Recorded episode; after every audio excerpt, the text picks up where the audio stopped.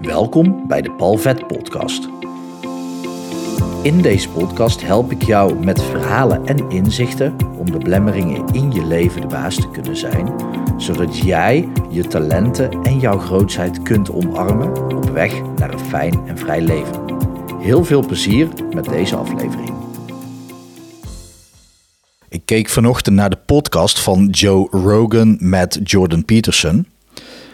En wat me al meteen opviel, was dat eigenlijk vrijwel in het begin van het gesprek ging het over de lawsuits, de rechtszaken die tegen Jordan Peterson zijn aangespannen. En wat ik daar heel interessant aan vind, is ja, Jordan Peterson heeft een bepaalde eigen mening en dat verkondigt hij ook. Dat is een sterke mening. En er zijn 13 rechtszaken tegen hem aangespannen. En dat doet me dus denken aan, en dit weet jij ook wel, maar toch vraag ik me af dat je dit volledig beseft. Hoge bomen vangen veel wind. En nu is het zo dat op het moment als jij een hoge boom bent en ja, je, je blijft gewoon lekker in de wind hangen daar waar de mensen met macht, met vermogen, uh, mensen die veel te zeggen hebben en veel te bepalen hebben, ja, dan heb je eigenlijk wel een soort van wind mee. Dan mag jij hoog in de boom hangen en mag je je kop boven het maaiveld uitsteken. Maar dat is het eigenlijk niet, want je, je stroomt gewoon mee met de massa. En eigenlijk ben je het gewoon eens met, met die mensen. Maar op het moment dat jij iets verkondigt wat of niet een beetje ergens in het midden zit, van ja, het, het schuurt wel een beetje, maar het is nog, het is nog een beetje aardig of lief of mensen luisteren er niet echt naar, omdat het ja, niet helemaal de ene kant op is of de andere kant. Of je waait dus volledig mee de ene kant op, wat de elite, de machthebbers, de mensen met vermogen in de wereld. En het kan ook in de wereld zijn, op basis van geopolitiek, maar het kan ook alleen zich richten op in je land.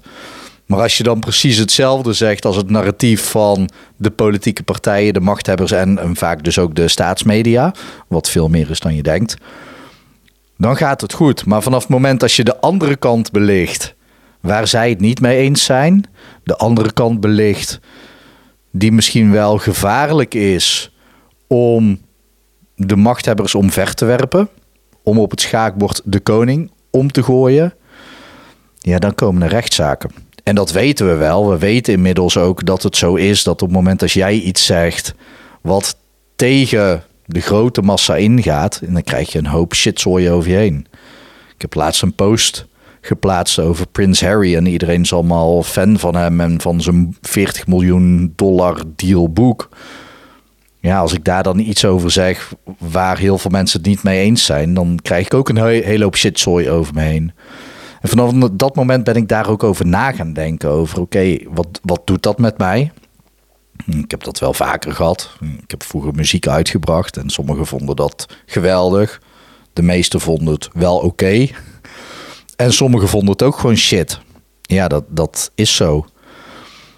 En dan moet je mee leren dealen. Nou, daar gaat het juist om. Want ik vraag me af: oké, de meeste mensen die mij volgen, die willen ergens wel een bepaald succes behalen, ofwel in hun leven ofwel in de business.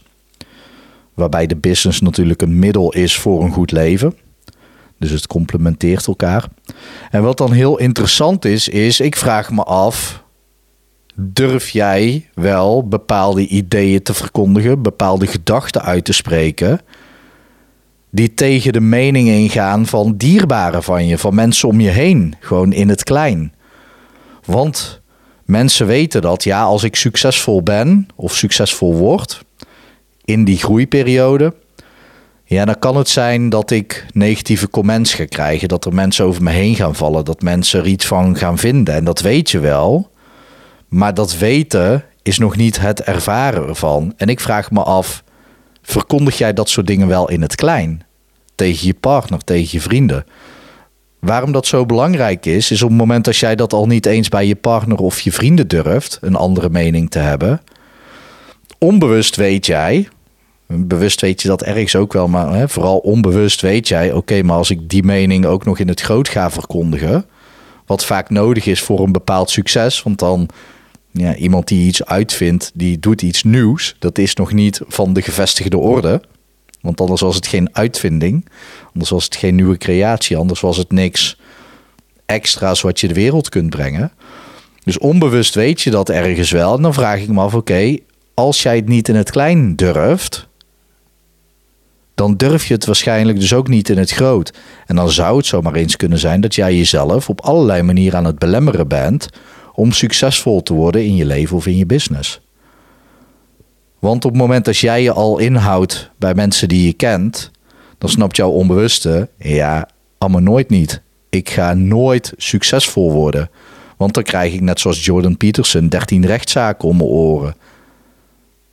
Los van die 13 rechtszaken, ik weet niet waar hij het meest wakker van ligt, maar hij heeft ook heel veel haat over zich heen gehad. Daarnaast krijgt hij gelukkig ook wel elke week iemand die naar hem toe loopt en die hem bijna op zijn knieën dankt. Omdat hij degene is die, die vooral wat jongere mannen uit de sloot hebben, heeft getrokken. Niet persoonlijk, maar door wat hij deelt in podcasts, video's, boeken, Twitter. Al zijn wijsheden deelt hij en dat helpt mensen. Dat helpt een hele hoop mensen. En gelukkig heeft hij daardoor voldoende drive om door te gaan. Maar Jordan Peterson die hangt heel erg hoog in de boom. En Joe Rogan ook. Nu hangen zij zo hoog in de boom dat ik niet zeker weet of dat er mensen zijn die hen nog iets kunnen maken. Momenteel, omdat naast dat met name Jordan Peterson, Joe Rogan ken ik iets minder. Ik zeg ken ik, ken ze natuurlijk niet persoonlijk. Maar Jordan Peterson die probeert wel de echte gentleman te zijn. De echte goede man te zijn. Waarbij zelfs hij, terwijl hij het probeert, oprecht probeert om volledig transparant, volledig eerlijk te zijn. Waarbij hij ook nog zegt, ja, elk mens liegt ergens. Omdat je, je weet nooit wanneer het echt helemaal klopt met de waarheid of met ja, de perceptie die je hebt. Dus de blinde vlekken die je hebt, daar houdt hij ook rekening mee. Dus ja, wat is dan eerlijk? Dus de vraag is, kunnen ze hem omverwerpen? Als je kijkt naar Andrew Tate, Andrew Tate die zit nu in de gevangenis.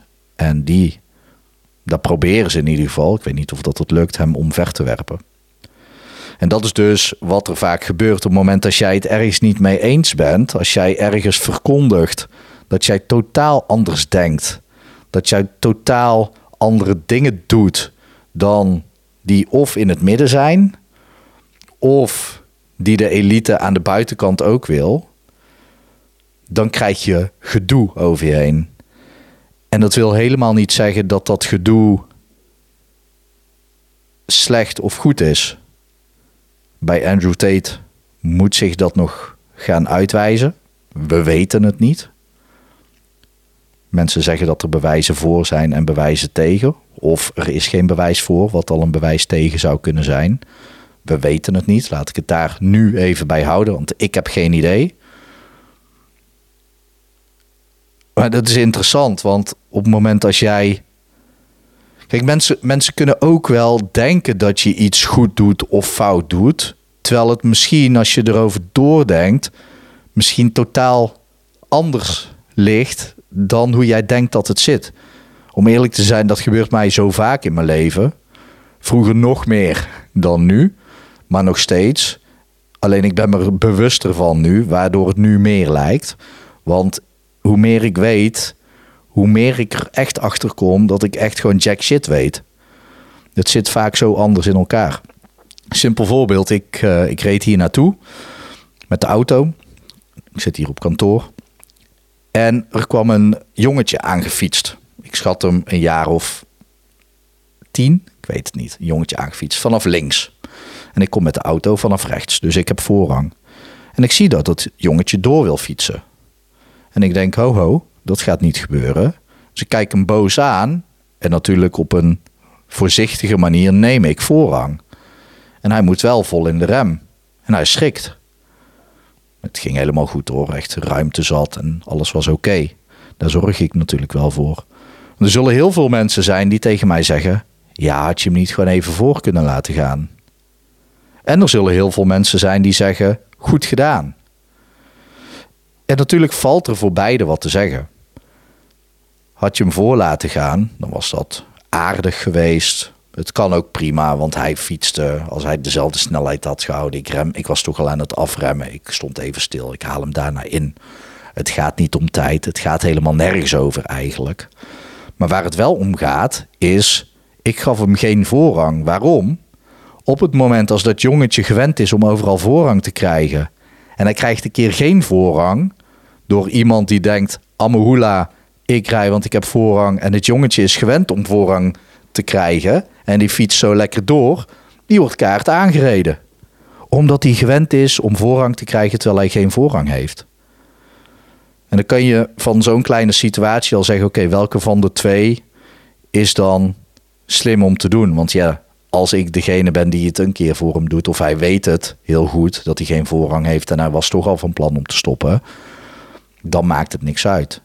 Maar doet hij het altijd en schrikt hij nu een keer en denkt: hé, hey, ik had inderdaad geen voorrang. En hij leert daarvan en daardoor redt hij zijn eigen leven. Ja, dan was het goed wat ik deed. En dat is ook echt op een mini, mini schaal is dat al, oké, wat is goed en wat is fout. En als je het dan over de grootste dingen hebt in het leven. Nou ja, kijk al, al naar uh, die, de pandemie. Op Twitter zag ik al een, uh, een geverifieerd account. Ik weet niet wat dat tegenwoordig uh, nog precies betekent bij Elon. Maar iemand die heel erg goed is in data-analyses. En die heeft naar de data gekeken. Dus niet naar de medische kant, gewoon echt naar de data. En daaruit blijkt dat de lockdown zelf voor meer doden heeft gezorgd dan die ziekte. Ik probeer het woord niet te noemen, want ik weet niet wat er anders met mijn accounts gebeurt. Of dat ik ook rechtszaken aangespannen krijg. Ja, daar heb je het al. Ik ben mezelf al aan het censureren, maar goed, wel uh, vanwege een goede reden. Maar ja, daar heb je het al. Terwijl als je dat twee jaar geleden zei, ja, dan werd je in een hoek gedrukt van je bent anti en je denkt niet aan anderen. En hier heb je boetes als je s'avonds na zeven uur alleen een rondje loopt op straat. Of na negen uur, ik weet niet wat het was. Maar toen werd je in een hoek gedrukt. En nu als je naar de data kijkt, bleek je gelijk te hebben.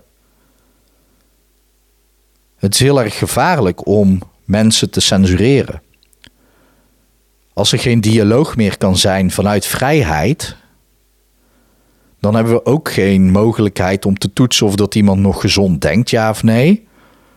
En hebben we ook geen mogelijkheid om naar de standpunten van iemand te luisteren die misschien wel gelijk heeft wat nu achteraf blijkt. Achteraf blijkt dat ook, want als je op de pagina van het eh, RIVM gaat kijken naar het aantal doden door die ziekte onder de 50, dan zijn er dat in totaal 238 of 256. Ik weet het exacte aantal niet. En het aantal met ziekte is duizenden.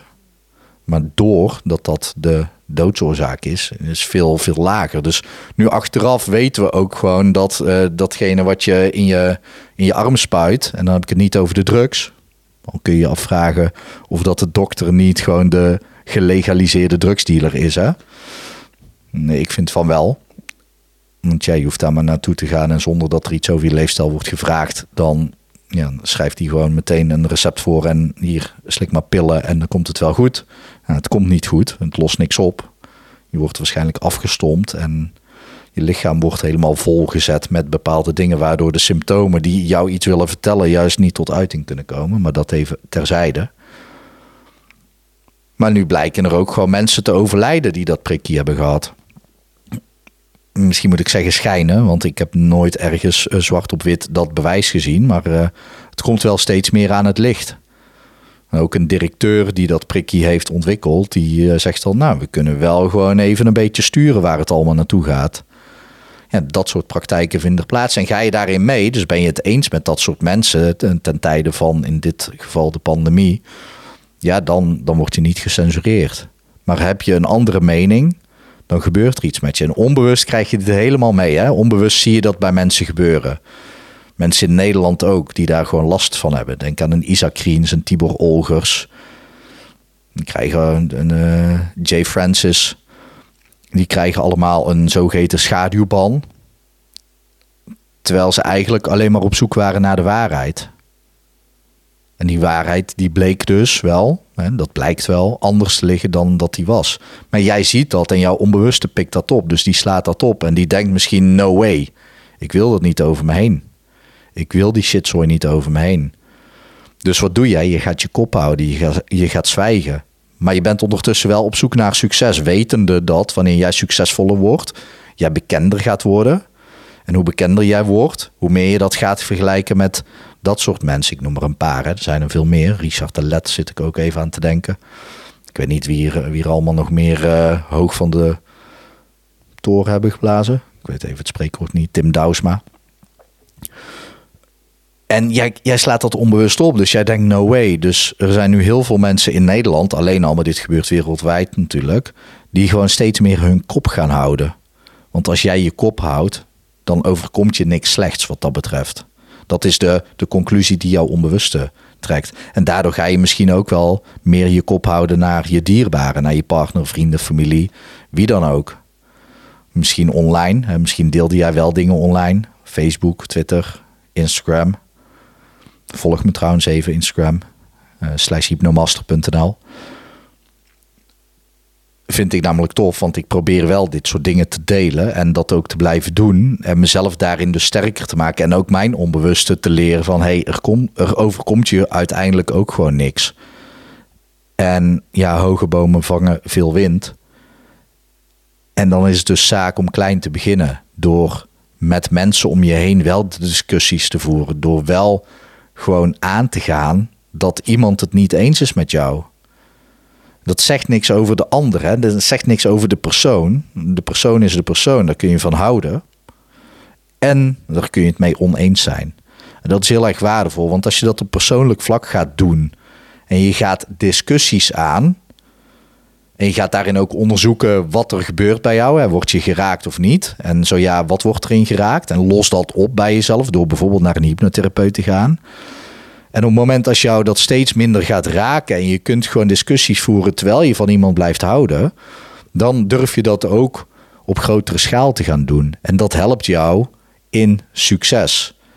En dan krijg je ook steeds meer een beetje, beetje meer begrip voor de mensen die dus wel dingen durven te zeggen, die misschien controversieel, controversieel zijn.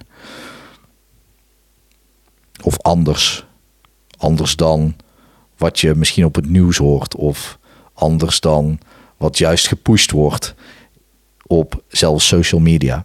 Dus ga voor jezelf eens na. Durf jij überhaupt dingen te zeggen waar anderen het niet mee eens zijn? Durf je dat niet in het klein, dan houdt jouw onbewuste je ook tegen om dat in het groot te doen.